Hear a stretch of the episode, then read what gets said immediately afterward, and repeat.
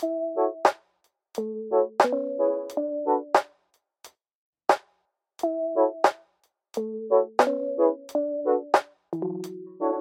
välkomna ska ni vara allihopa. Vi spelar in en podcast här som jag eh, har startat som heter eh, Författarlivet.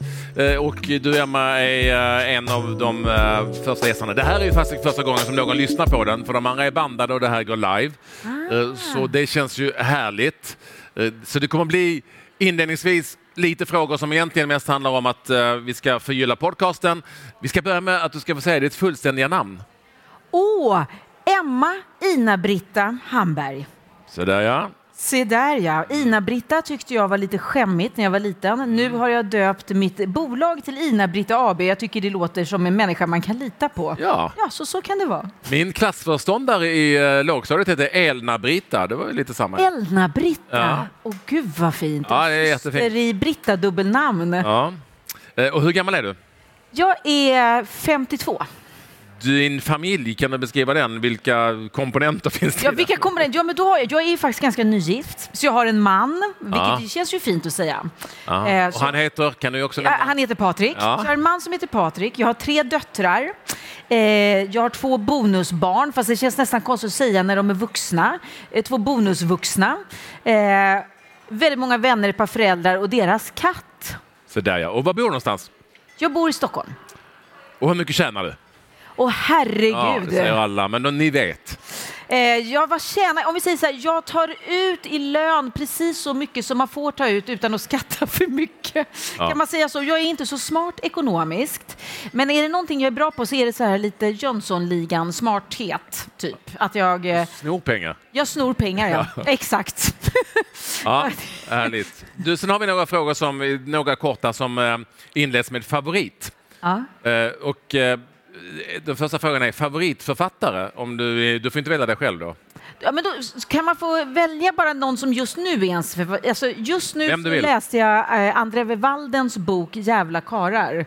Mm. Makalös bok. Så just idag är han min favoritförfattare. Ditt favoritnyhetsmedia? Eh, DN. Eh, i, i, inte i pappersform, men jag läser den som om den vore i papper. Vad heter det? DN liksom... Ja, du låtsas att det är papper. Jag låtsas att det är papper, Ja, ja. exakt. Exakt. Och att jag bläddrar. Så att jag läser inte, jag scrollar inte utan jag bläddrar i någon liten padda. Ja, jag vet inte fan. Ja, Dagens Nyheter säger vi väl då för att göra det enkelt. Har du någon favoritidrottsstjärna? Det, här, det är ju så roligt att du och jag möts här. Ja. Jag vet ju att du kan ju så mycket om sport och är så väldigt liksom, insatt i det. Och du kanske har den minst eh, sportkunniga människan här.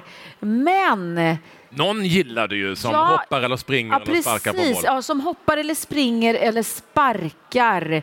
Eh, jag, jag var på min livs första fotbollsmatch för ett tag sedan. Så, Eh, och- vet du vilka som spelade? Ja, det var AIK mot Hammarby. Ah, okej. Och det intressanta var att vi var på Hammarby-läktaren, för att det, nej, på AIK-läktaren, för att det var en AIK-människa som hade bjudit oss. Ja. Eh, Så att jag måste väl bara säga att AIK just nu, får jag säga så då? Är det lite... Ja, det kan man ju säga. AIK är min bästa favoritsportsman just nu. Men du vet att det är ett lag? är det? Ja, vi går vidare. Vi tar en till då. Eh, favoritkläder? Åh, allt som känns som pyjamas men eh, eh, andas eh, glamour. Eller elegans. Ja.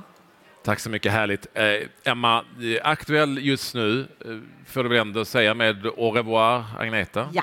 Berätta lite. Det är, eh, jag har skrivit en bok som heter m'appelle Agneta och en kokbok som heter Opiff och som liksom hör ihop med den. Och det här är revoir Agneta som är den avslutande serien. Och eh, Agneta har varit som ett äventyr för mig. Det har, jag har haft många underbara läsare förut men med Agneta så har det liksom blivit en helt... Eh, det är som att Agneta har blivit en person. Så det är jättespeciellt. Hon har blivit som att det är jag och Agneta och mina läsare. Och mina, Agneta bygger ju också på mina läsare väldigt mycket. Men hur har det varit att, om det nu är en person och en kompis eller en vän, att, att Ja. varför vill man då ta livet av? Ja, men det, alltså, ja, jag vet, det kan man ju tänka. Men jag tror att för mig var det som att jag kände att nu måste hon få ge sig iväg själv. Hon måste ge sig iväg på sina äventyr. Hon ska iväg nu. Och eh, jag har också väldigt svårt med... Jag kände nog att om jag skulle skriva en bok till utom, eh, om henne så hade jag kanske gjort det av fel anledningar. Så kändes det som. Om man nu ändå är inne i Agneta, ja, Ja. inte inne i så, utan ursäkta Det skulle hon säkert tyckt om. Ja, då. Nej, vi, man vi nu- kan leka den leken. Ja. Om man nu är där någonstans och skriver, hur mycket är du redan i någon annan värld? Ehm, eh, menar du när jag skriver... Bokmäss- Bokmässigt, liksom, eftersom du har bestämt dig för att avsluta, Ja. Ja, men jag, har också, jag har ju börjat, börjat skriva på en ny bok nu. Ja. Men för mig har det också varit som att jag vet att nu kommer jag vara med Agneta, det är Agneta och jag. Och vi är ungefär fram till nu. Och efter bokmässan, då kommer hon få flyga iväg och leva sitt liv. Och jag kommer ge mig in i mina nya äventyr. Men sen är jag ju som, eh, ja vem är man som, någon gammal rockartist som säger att eh, ja det här är den sista turnén. Men sen är de ändå ute och ute och konkar i folkparkerna några år senare. Så vem vet, om tio år så kanske Agneta och jag möts igen. Eller Men- som eh, Anders Roslund som tog livet av sin eh, gräns, heter han väl, eh, Just det. poliskommissarie. Och eh, läsarna blev så jäkla arga så att han tvingades på något vis se till så att den kulan som han sköt sig med i huvudet på något vis kom ut genom kinden istället så att han levde i nästa bok igen. Ja, Han gjorde en Bobby i Dallas. ja en Bobby Dallas. en Ja. Bobby i Dallas. Kanske inte alla här riktigt hänger med i den. eh, Ja, nej, vi- om ni är för unga för Dallas kan jag säga att Bobby dog, men han kom tillbaka för det var bara en dröm. Ja. Så kan man, så kan man också Exakt så göra. var det. Fantastisk vändning Ja, egentligen. det är en fantastisk vändning. Han kom ut ur duschen som om det inte hade hänt någonting. Ja. Vi kanske inte ska avslöja för mycket men det är inte så att Agneta... Agneta kommer inte dö. Nej. Jag skulle aldrig ta livet av henne. Hon har ju precis börjat flyga och få färger så hon ska få ge sig ut på äventyr.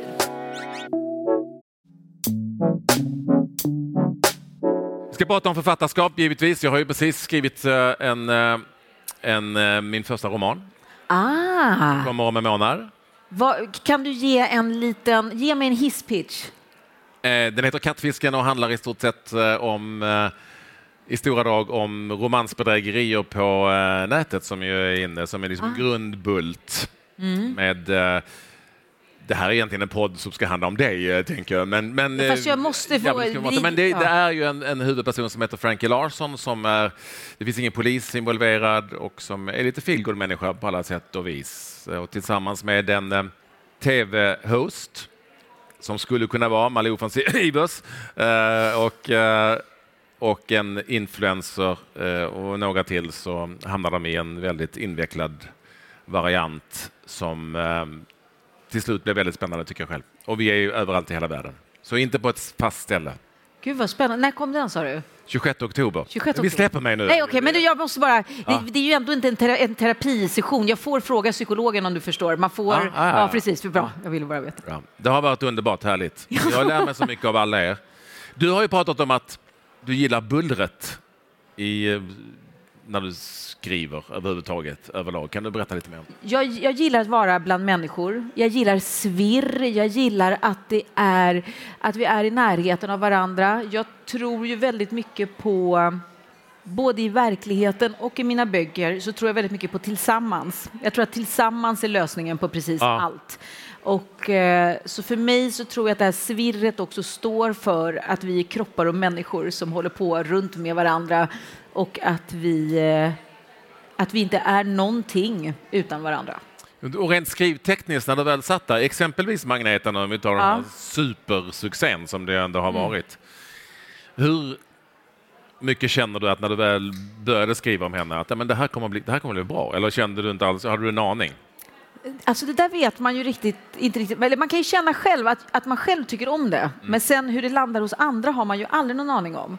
Men det som var spännande med Agneta är ju att hon faktiskt eh, bygger på mina läsare.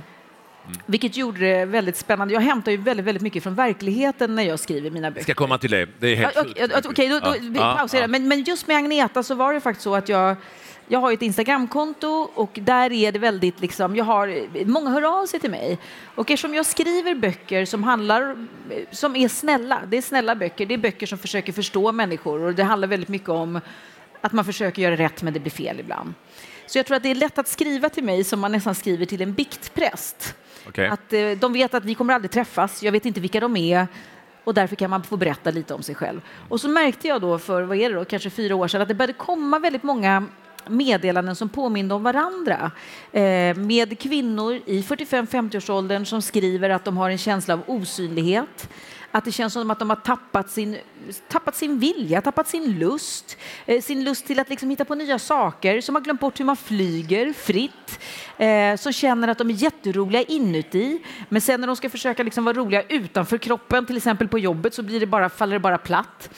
Och så fick jag så många fina berättelser om just det här, så jag kände att här, här har vi en karaktär. Jag vill skriva om den här osynliga kvinnan. Jag vill att hon ska hitta sina färger, jag vill att hon ska veckla ut sina vingar och att få göra det tillsammans med henne och med mina läsare samtidigt på något skumt sätt har varit så fantastiskt roligt.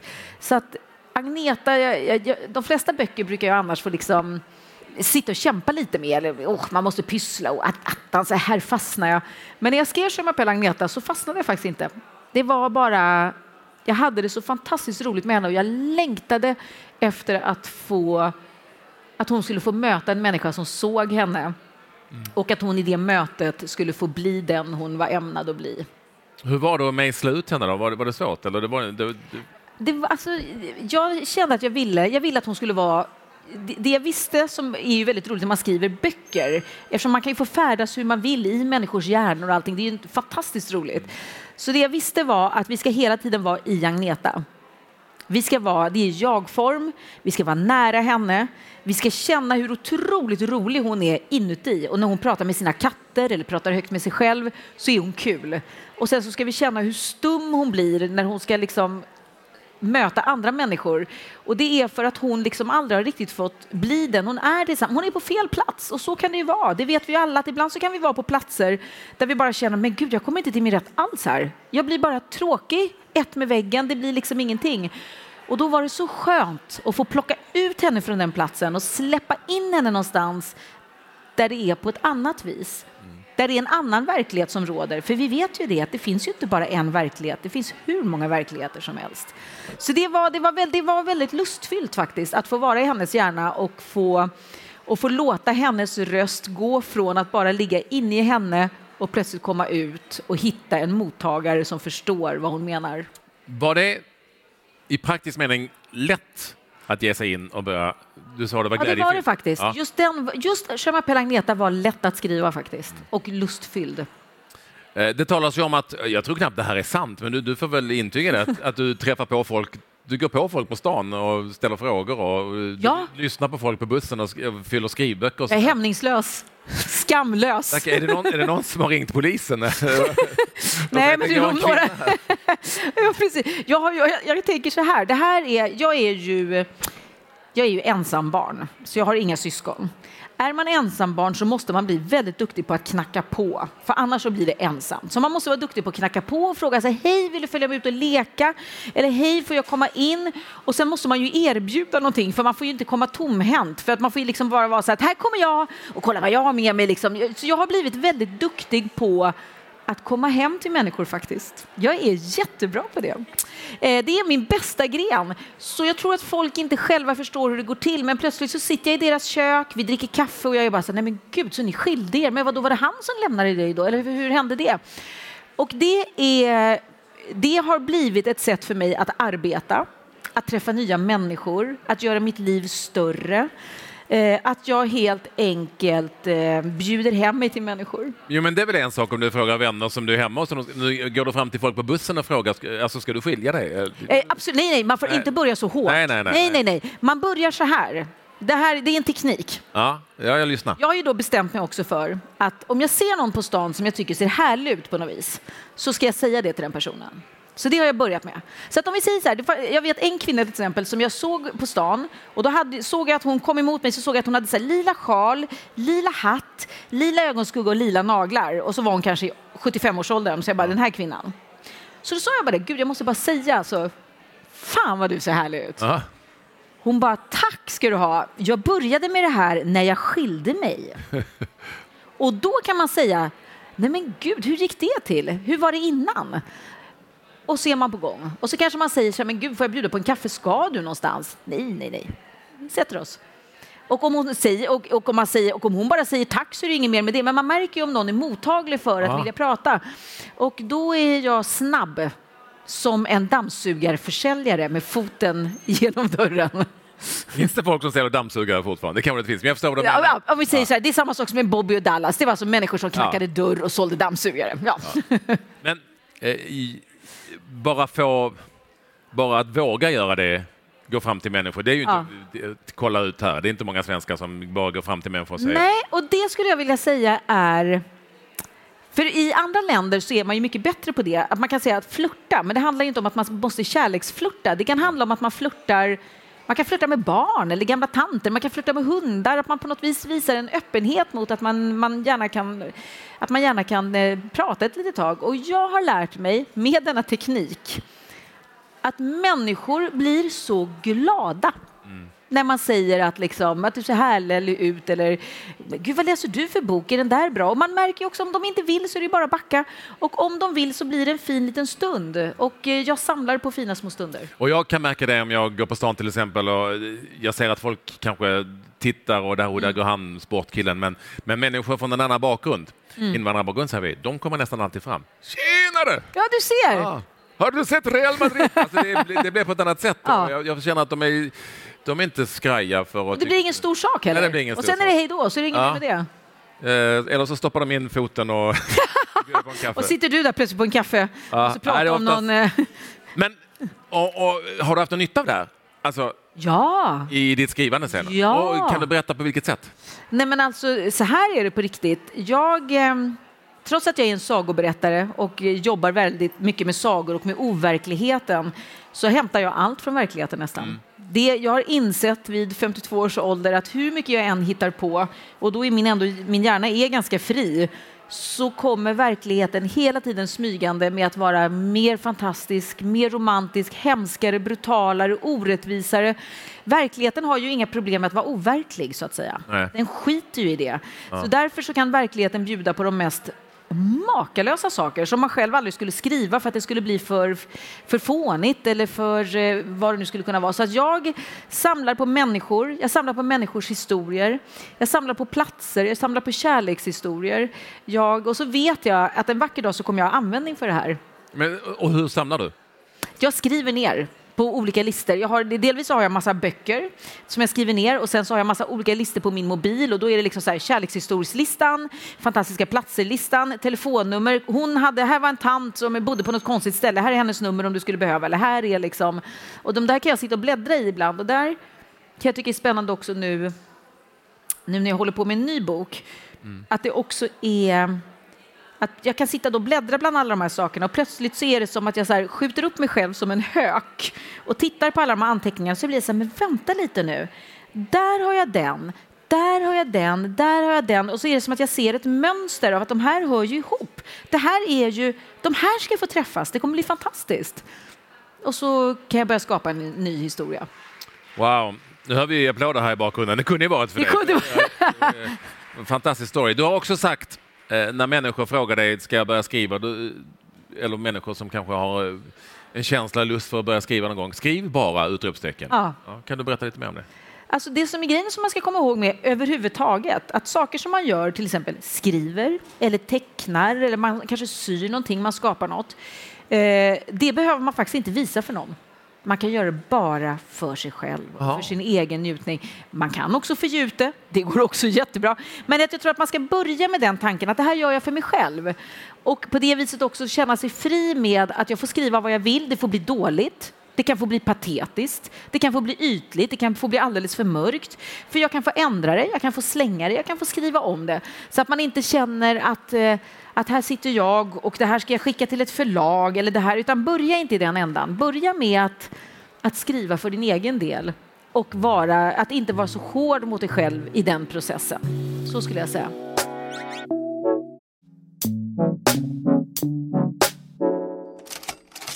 Vill du veta mer om författandets hantverk och hemligheter? Tidningen Skriva är Sveriges enda magasin om skrivande. Och på tidningen skriva.se hittar du massor med skrivguider, författarintervjuer, novelltävlingar där du kan vinna fina priser och tips på hur du ökar dina chanser att bli utgiven. Just nu kan du testa Skriva gratis i en månad. Gå till tidningenskriva.se prenumeration. Jag tror att alla som sitter här nu och, och lyssnar på den här livepodden kan intyga att uh, man blir glad av dig. Det finns en fantastisk uh, livsglädje någonstans som du förmedlar. Ja, det håller ni kanske med om ni som sitter här. Så de nickar, de nickar de allihopa. och, och, och, så. Men är du alltid författare som jag springer på här på, på den här mässan känns ju inte alltid lika en, aning, dyst, en aning dystrare kanske. Men är, du, är du så dyster författare ibland också? Eller dyster människa? För att allting har inte varit, det vet vi, det har inte varit lätt. Liksom. Nej, men jag är nog... Och det här är intressant, för du har ju också varit med om stora sorger. Mm. Och jag tror att om man har varit, varit med om liksom, när livet serverar de här tyngsta sakerna eh, så kan man eh, hantera det på olika sätt. Jag tror delvis så tror jag jag är nog född åt det gladlyntare hållet. Jag är en gladlynt typ.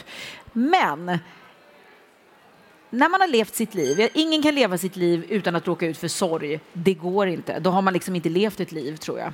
Eh, man förlorar människor, eh, man blir lurad, man har missuppfattat, man blir ensam. Man får, ja, det händer saker. Och för min del så är det som att när, jag, när min exman blev svårt, svårt sjuk och blev hjärnskadad och liksom hans, allas vårt liv förändrades så hände någonting i mig som jag faktiskt inte riktigt hade känt förut och det var att jag kände av det förgängliga så otroligt starkt. Mm. Att allt är förgängligt. Allt sipprar som sand mellan fingrarna. Men att det är också det som är det vackra. Eller det är det som gör att det blir vackert. För att om det inte vore förgängligt så skulle vi inte ta vara på det. Det är bara så. Sen betyder inte det att man vill att saker ska försvinna eller hända. Men det handlar om att man ska njuta av det medan man har det. Och det har jag i mig så otroligt starkt att om det är en bra dag, om alla mår bra, om allting verkar fint, då mår jag bra då är jag i det. För jag vet av egen erfarenhet att imorgon så kan det vara en helt annan dag. Så att så gör jag. Och sen så har jag mina sorger i min ryggsäck på ryggen och jag bär dem alltid med mig. Men jag har också förstått att jag behöver inte kika i den där ryggsäcken hela tiden. Det är inte som att mina sorger blir mindre för att jag inte tittar bak. Däremot så känns de lite lättare om jag tittar fram och går mot ljuset och väljer liksom att gå åt, eh, gå åt ställen där det är varmt och härligt. Så jag tror att jag helt enkelt är doppad i att försöka gå mot det ljusa. Så kan man säga. Du tänker som jag lite grann har gjort. Ja, men jag har förstått det. Jag har också tagit bort ordet sorg. Jag har helt tagit bort Jag nämner faktiskt aldrig det för att det är som ett sjukdomstillstånd. Det låter som ett sjukdomstillstånd. Mm. Det känns svart. Det känns som en kvinna som sitter med flor framför ansiktet och tittar mm. rakt in i en vägg och sådär. Och därför har jag också tänkt att vi måste ta oss framåt. Eh, vi måste leva för att vi lever. Ja. Livet vill det. Det vill, det vill ju livet och det vill mm. ju vi och det vill ju säkert de som har i någon form försvunnit från oss mm. också. Det, det är jag helt övertygad om. Mm. Nu blev det lite halvdjupt här, men jag tycker ja, men det, det, det tycker jag, men jag tycker det är det som är fint, för det finns ju ingen som kommer tacka dig för att du vattnade, vattnade din sorg istället för att Nej. vattna ditt ljus. Eh, och jag tycker också det här är också sånt här Någonstans är det också, jag har, har en vän som har sagt till mig att Eh, Eh, det är inte den som, har, den som har känt mest när den dör. Det är den som vinner. Att man har varit nära sina känslor, att man har vågat känna, att man har vågat vara i riktiga relationer, att man har vågat att vara ute på tunn is. Det tycker jag är modigt. Och det är intressant att du tar upp det, för det tar mig vidare till det som när jag nu skrev den här romanen till exempel, som jag kände, jag har vi pratar om erfarenhet. Jag har ju då varit sportjournalist och jobbat med tv och sådär. Men den absolut, det jag hade mest nytta av, jag kan tänka mig att det är likadant för dig, det har inte varit att jag har kunnat skriva eller kunnat göra tv eller eh, varit med om saker eh, som har med skrivande att göra, utan att jag hade levt ett ganska långt och rikt liv. Ja. Erfarenheten, den hjälpte mig i form av att mejsla ut karaktärer eller mm. händelser och sådär. Har du känt likadant? Gud ja! Och jag kan tänka också så mycket på att, och här är det också skillnad mellan olika delar av världen, men att vi i Sverige har en sån kass syn på att bli äldre kan jag bli lite upprörd över. Ja, det är Att därför man- jag sitter med håliga jeans här, Ja. jag är 58 år. Ja, men det är, det är klart du ska göra det. Ja, men jag vill ju det. Du gör vad du vill. Du är Ja, 58 tack. år, du behöver inte rätta dig efter någon. Och att vi hyllar ungdomen hela tiden, att vi ska se ut som vi är 23 fastän vi är 57 och har rynkor och har levt våra liv. Och att vi liksom inte kan, som i andra delar av världen, där man är så här, att bli gammal är någonting mäktigt. För att man har blivit så jävla mycket smartare, rikare, livserfarnare. Det är ju någonting helt makalöst. Så jag kan säga att de- den kampanjen driver jag hårt i mina böcker. Det är som en obetald reklamkampanj för age. Eh, eh, Alternativet är döden, vilket är så, så tråkigt. Och då är det väl mycket bättre att få bli äldre och bära det man är med stolthet. Vi tänkte vi skulle prata om skrivprocessen. Eh, är du, känns det som att du bara sätter dig ner och låter eh, glädjen och Agneta flöda? Eller är du otroligt noga med eh, synopsis och ja, jag menar rent tekniskt sett? Vad, men jag vad är det för författare? Nej, men jag är nog ganska noga med synopsis faktiskt. Mm. Så jag, mitt förarbete är ganska stort. Mm. Eh, och jag älskar förarbetet. Jag älskar att göra research, jag älskar att hitta historien, förstå hur den håller ihop, hitta de röda trådarna. Eh, så när jag väl sätter mig för att skriva, då har jag nästan hela historien färdig för mig. Eh, från A till Ö. Men det som ju är det roligaste med att vara författare skulle jag säga, det är att när jag sitter där med historien från A till Ö, eh, det är alltid lika jobbigt tycker jag att börja på en bok. Alltså det är så svårt, jag hittar på så mycket saker som gör att jag inte ska börja för jag får sån, "Ah", det är någon sorts prestationsångest. Men när jag väl har satt mig och kanske skrivit 10-15 sidor och man har kommit in och att sen hamna i det här flowet när man inte längre vet vad som är verkligt. Jag är bara i historien och mina karaktärer skiter i min A till Ö-lista som jag har gjort utan de svänger iväg. Man bara, men vad fan? Men du skulle inte gå fram och prata med honom, det var ju honom du skulle prata med. Ja, men nu förstår du. Nu har du börjat leva sitt eget lilla liv här så nu ska jag dit bort. Och så får man svänga med och hålla på. Det tycker jag är så roligt. När hjärnan tappar greppet. Men, men någonstans så vet du alltid exempelvis vart du ska sluta. Ja, det vet jag. Men samtidigt så vet jag också att jag vet hur det ska sluta och jag har en trygghet i det. Men sen vet man ju aldrig riktigt hur det slutar ändå för att man hamnar i det här när karaktärerna börjar bli sina egna och när de börjar eh, liksom gå in i saker som jag inte riktigt hade tänkt och det är så otroligt spännande. Kan du ena dagen känna dig som August Strindberg och nästa dag känna dig som, fy fan, det här kan, vi, det här kan jag inte ens ge ut? August Strindberg känner jag mig aldrig som. Nej, men, du förstår. Kan jag, kan jag säga. Jag har Nej, aldrig... men, jag hade, eh, hade älskat om jag vaknade en morgon och kände mig som August Strindberg. Ja, jag vet inte ens eh, hur August Strindberg kände sig. Nej, men, men jag tänkte- förstår vad du menar. Oh, Tack snälla, stor Ja, jag författare. förstår vad du menar. Men, jag kan, ja, men så är det verkligen. Att Ibland så kan man ju känna att fy fan vad det här blir bra. Alltså det här. Och så vaknar man nästa morgon, läser igenom det och bara, ah, men gud, åh herregud. Ah, det, här, det är bara att ta bort hela skiten. Alltså, Det här är förfärligt. Och så är det ju. Att, det, att eh, vara författare är att pendla mellan hybris och fullkomlig förtvivlan över att man är den sämsta författaren som någonsin Än idag alltså, trots att du har gett ut... Som... Gud, ja absolut. absolut. Och nu till exempel, den här boken som jag börjat skriva på nu, den har jag haft mycket sådär, lite prestationsångest runt just för att Agneta var så otroligt älskad och att det är så många som har tyckt om henne. Och så har jag känt att nu vill jag ge dem någonting annat som inte är Agneta, men eh, de ska få komma in i ett nytt äventyr. Och så blev jag så här, oj gud, kommer de tycka om det här? Jag börjar liksom, istället för att bara komma in i min historia så jag börjat tänka på mina läsare och det är fel. Det får man inte göra, då hamnar man fel. Så jag har tyvärr för en stund fått liksom försöka så här, ni, ni får vänta där utanför, sluta störa, bort. Nu ska jag skriva så får jag hoppas att ni tycker om det sen och så får jag sitta och knattra. Så att, Känns, ju lite som August Strindberg ändå, just det där. Ja, det kanske är lite August. Tänk om det nästa gång kommer jag ha en sån här liten mustasch när vi ses, bara som ett tecken. Eh, I den här podcasten så har vi också eh, möjligheten att eh, ta, ta och beskriva ett specifikt ämne som eh, man kan skriva om. Eh, Jag vet inte om du har tagit del av det mejl jag skickade dig? Man vet Jo, det har jag gjort. Så där, ja. Det har jag gjort. Bra. Eh, Och eh, då kan det antingen handla om trovärdighet eller eh, karaktär och sådär. Men i ditt fall så ska vi prata om att skriva sex. Ja. Ja. Hur, hur, hur, är det? För att det, är en del sådant i min bok också. Det enda jag kände var, jävlar ska min äldsta dotter läsa det här? ja, jag vet. Ja, min yngsta är ju tio år, hon vill ju inte ska läsa det överhuvudtaget. Men, men eh, för att det kan vara svårt att skilja på dikt och, och verklighet. Ja. Hur, hur tycker du att det är? Ja, det är svårt.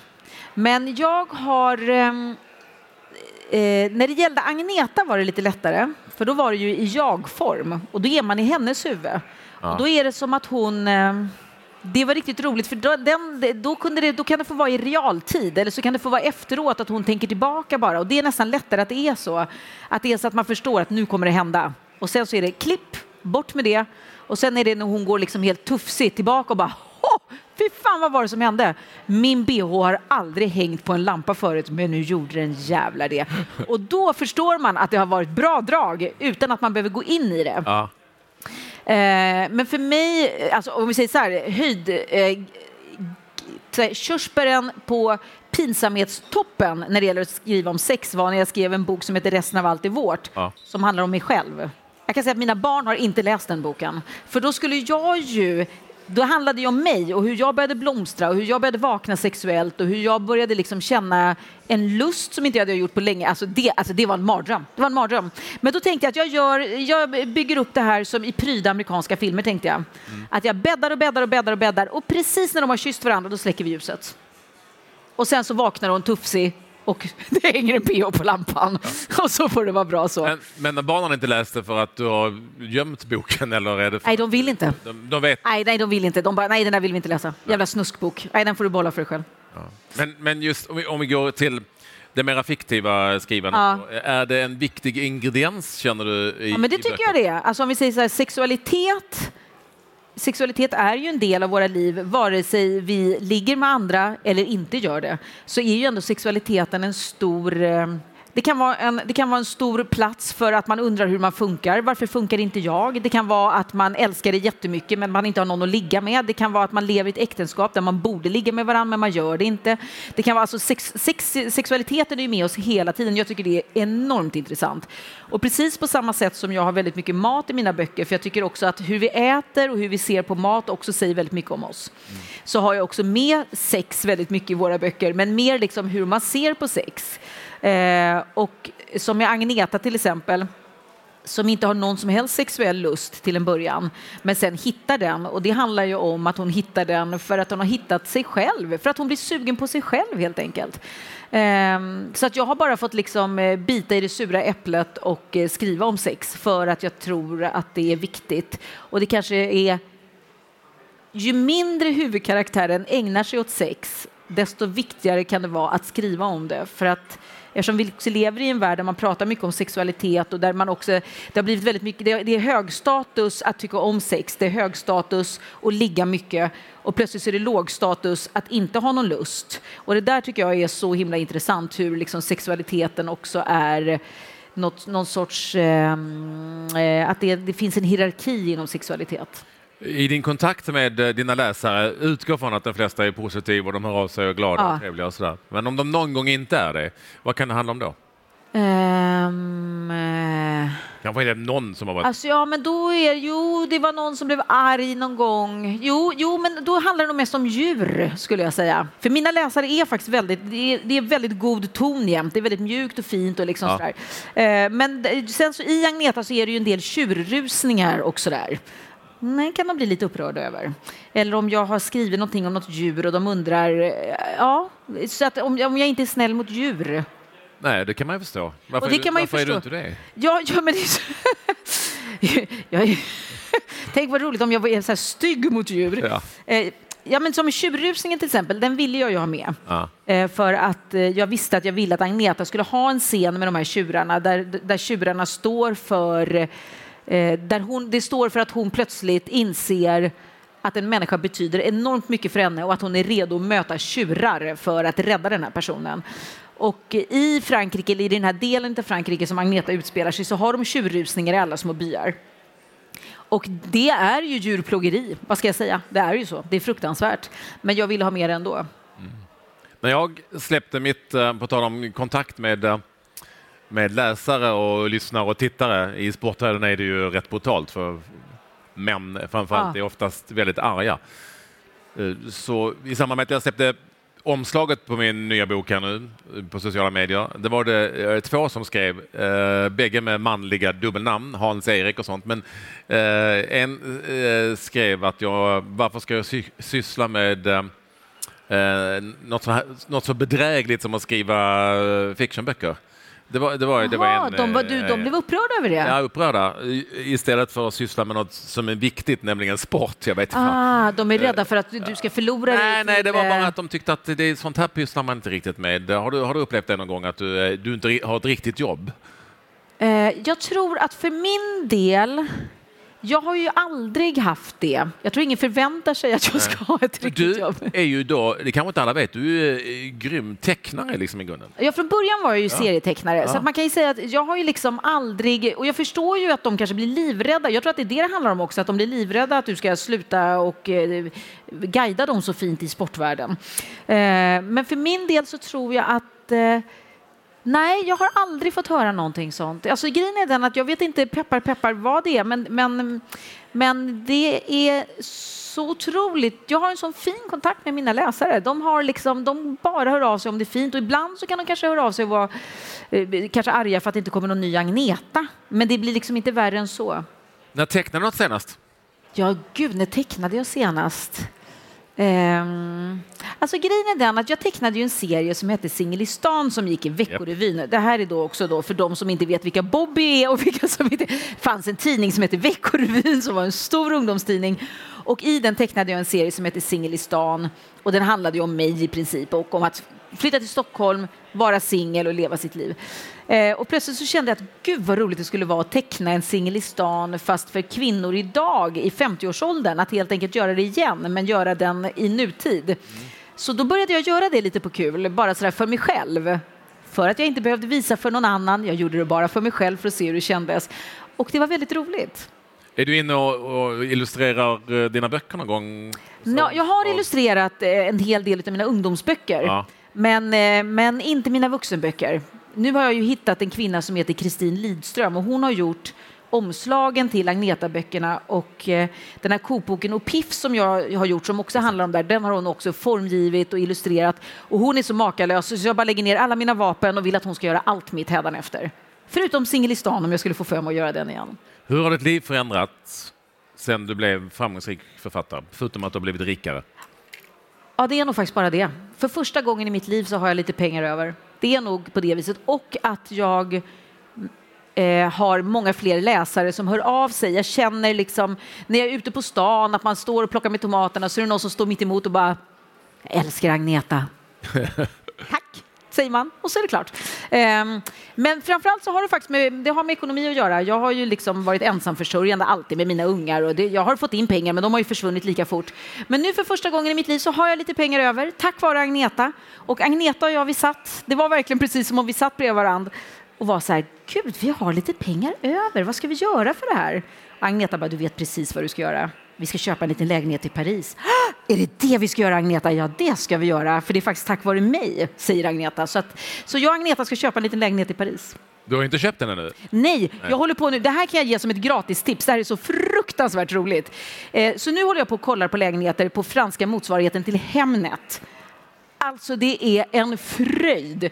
För det är nämligen så här att i Frankrike så stylar man inte sina lägenheter innan de fotograferas. Så det är så här gamla räkskal, trosor, någon dator som ligger slängd på sängen, det är någon gardin på sned. Det är som att man bara så här knackar på någon helt utan att förvarna och bara hej, vi ska ta och fotografera ditt hem nu. Så det, jag kan bara säga på riktigt, gå in och kolla, det är så, så roligt.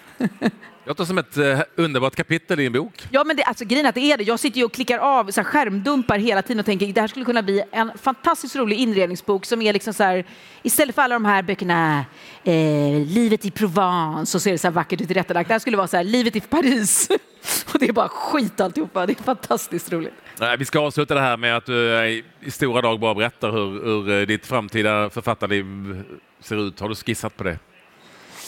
Alltså, eh, jag tänker, jag, min skiss är ju då att jag ska hitta någon liten lägenhet i Paris utan räkskal och gamla kalsonger.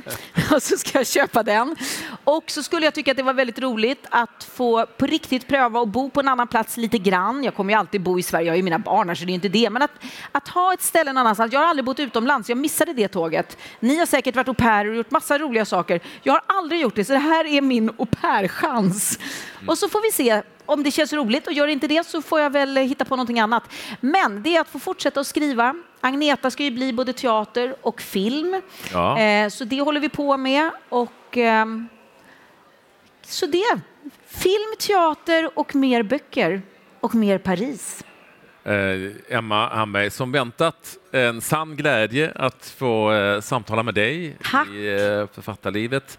Eh, jag hoppas att ni som lyssnar och ni som sitter här som livepublik har lärt er en hel del och eh, alla är glada här ser jag i varje fall. Det kan jag väl förmedla till de som Vad lyssnar. fint. Fint att ni Eh, och för jag har lärt mig jättemycket och jag önskar dig all lycka till framöver. Och detsamma och till din roman Vernissage premiär tjoflöjt. Yes, Gud, du, du är bjuden. Du är bjuden. Tack! Ja, tack så jättemycket. Tack för att ni ville lyssna. Tack alla ni som eh, sitter här framför oss. Nu jäklar kör vi. Nu kör vi. Tack så mycket.